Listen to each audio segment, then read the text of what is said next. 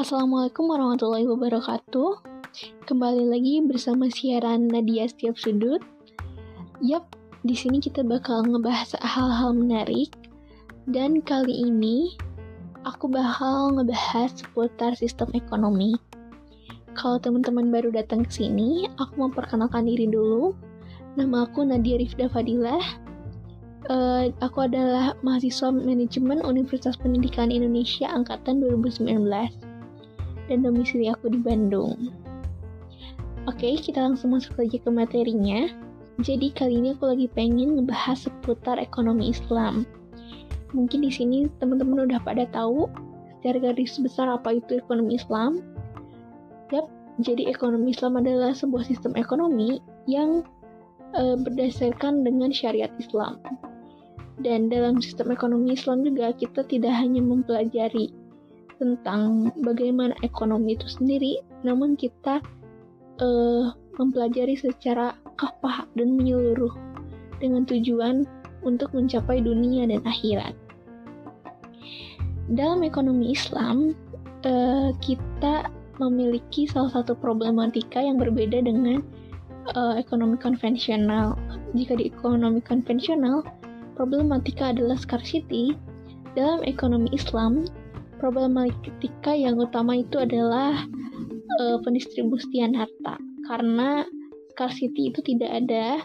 Karena yang terbatas itu bukan sumber daya. Sumber daya itu sangat melimpah dan telah Allah berikan di bumi ini. Itu adalah kebutuhan manusia.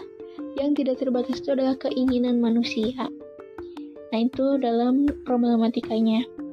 Lalu dalam ekonomi Islam kita juga disadarkan bahwa harta yang kita miliki itu tidak sepenuhnya adalah apa yang kita miliki. Dalam harta kita yang miliki, dalam harta yang kita hasilkan, di sana terdapat hak orang lain yang harus kita berikan dalam bentuk zakat, sodako, ataupun wakaf. Nah, maka dari itu problematikanya itu ada di distribusi karena kadang manusia itu ketika mendaftarkan kadang manusia itu ketika mereka mendapatkan suatu harta tertentu mereka belum tentu bisa mendistribusikannya secara baik. Baik itu untuk orang lain ataupun untuk dirinya pribadi karena melihat tadi keinginan manusia itu tidak terbatas sedangkan kebutuhannya terbatas. Kebutuhan manusia itu tidak terlalu ap, seperti apa yang mereka pikirkan, namun nafsu dan keinginan itu tidak terbatas dan harus dibatasi.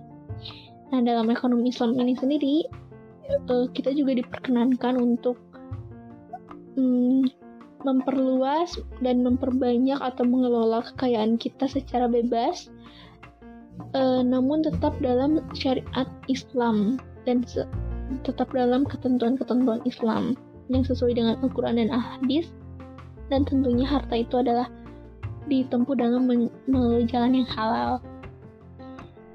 Nah, di sini karena aku belajar tentang ekonomi Islam, aku jadi sedikit tertegun karena ekonomi Islam ini menurutku adalah pilihan terbaik, sistem ekonomi terbaik yang harus ditetapkan. Karena apa?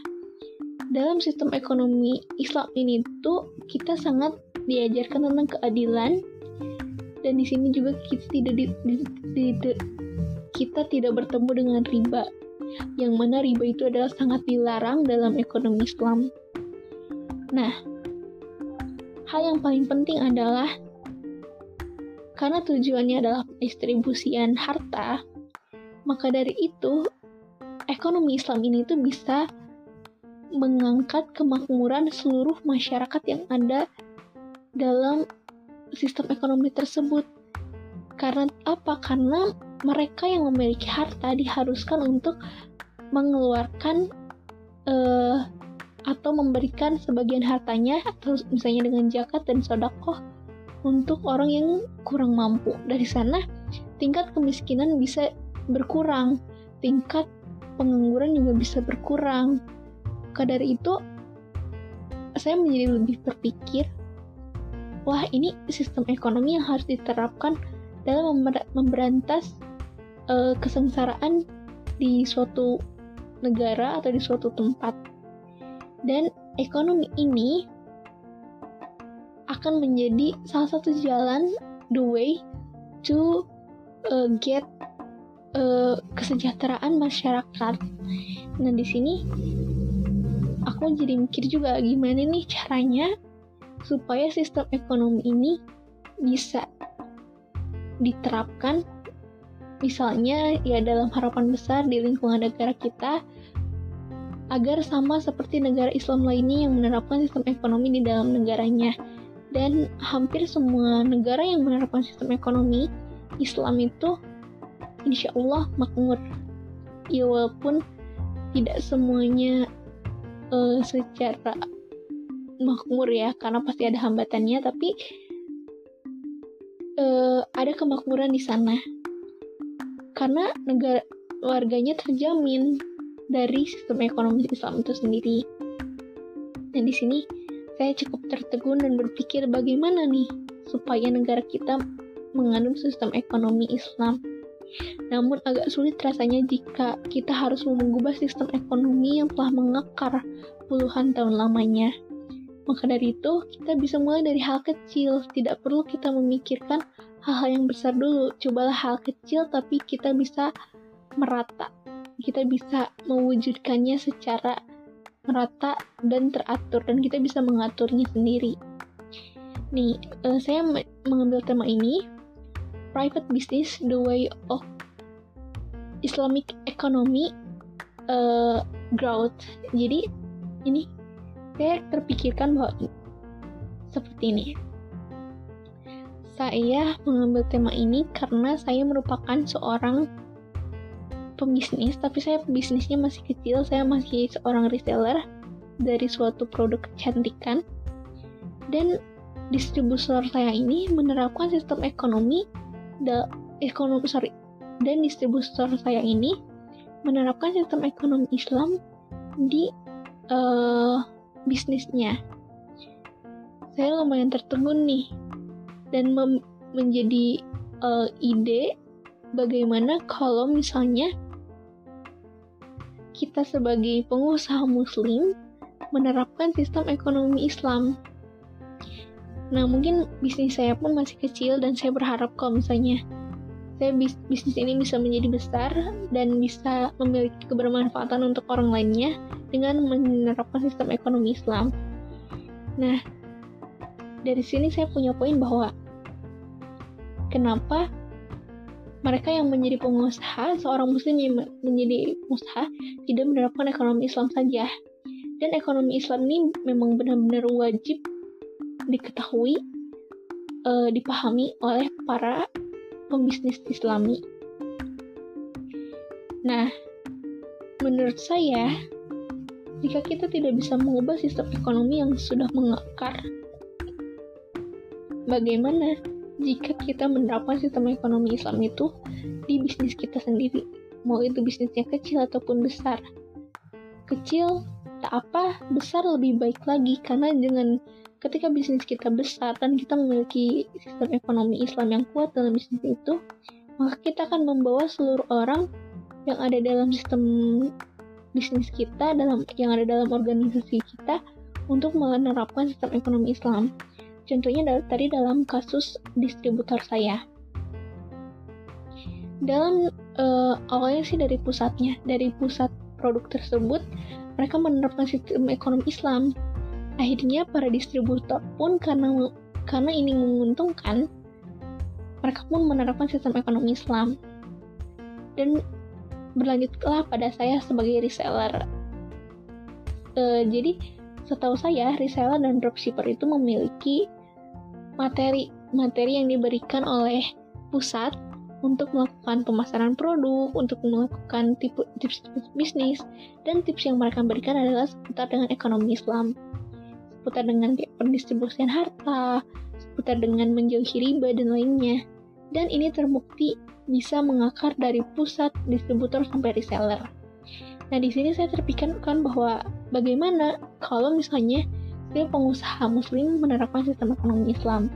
Mungkin di sini akan terjadi perubahan secara besar-besaran mengingat saat ini banyak sekali produk brand lokal yang dimiliki oleh pengusaha-pengusaha muslim terutama di Indonesia yang mayoritas muslimnya terbesar.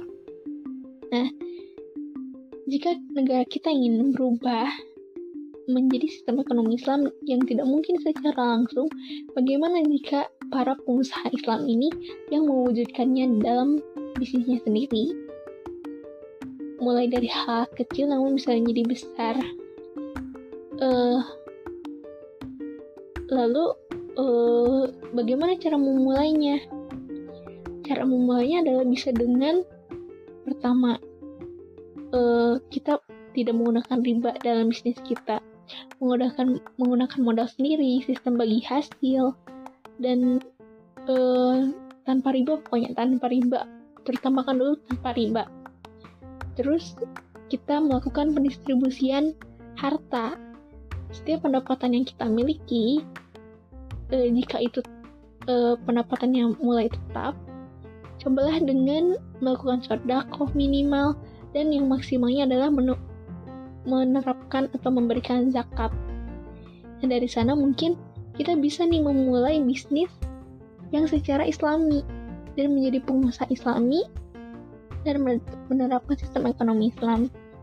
Mungkin ini adalah hal yang sederhana, ide yang sederhana namun patut kita renungkan untuk mendapatkan atau untuk memulai sistem ekonomi Islam secara uh, untuk memulai ekonomi Islam sekarang juga agar lebih menyeluruh.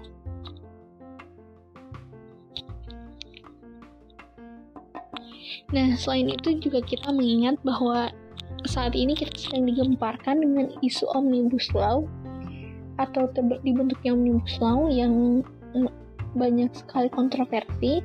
Tapi di sana ada sisi positif uh, dari Omnibus Law yaitu tentang pendirian UMKM yang lebih dipermudah. Nah, bagaimana nih kalau kita kalau Nah, kita ambil sisi pahitnya saja jika pemerintah tetap berupaya untuk menegakkan peraturan baru ini, yaitu Undang-Undang Cipta Kerja. Bagaimana kalau kita mengambil sisi baiknya saja, yaitu dengan um, menggencarkan UMKM dari sisi islami pembisnis pembisnis islami harus muncul di sini dan menerapkan sistem ekonomi Islam yang bisa mendorong atau mempengaruhi perekonomian di negara ini. Nah, jadi kita coba ambil langkah lain ambil hikmah dari apa yang sudah ditetapkan pemerintah dengan cara kita membuat sistem baru. Namun meskipun kita terjebak tapi kita membuat sistem baru. Misalnya dengan salah satunya adalah membuat bisnis sendiri dengan menggunakan sistem ekonomi Islam. Nah mungkin ini hanya apa ya opini yang saya rasakan dan apa yang saya pikirkan selaku pembisnis walaupun bisnis kayak kecil. Tapi saya harap jika suatu saat bisnis ini besar mengapa saya berikan sistem ekonomi Islam saja? Karena ini karena saya sangat ingin sekali mewujudkan uh, atau membantu orang lain mensejahterakan masyarakat dengan sistem ekonomi Islam ini. Nah, mungkin itu saja podcast dari saya ini hanya sekedar saran dan mungkin sedikit renungan bagi para pendengar. Semoga kalian bisa merenungkannya juga ini menjadi salah satu renungan buat kalian yang ingin membuat bisnis untuk menerapkan sistem ekonomi Islam dalam bisnis kalian. Semoga kalian suka dengan podcast ini dan semoga podcast ini memiliki kebermanfaatan. Assalamualaikum warahmatullahi wabarakatuh.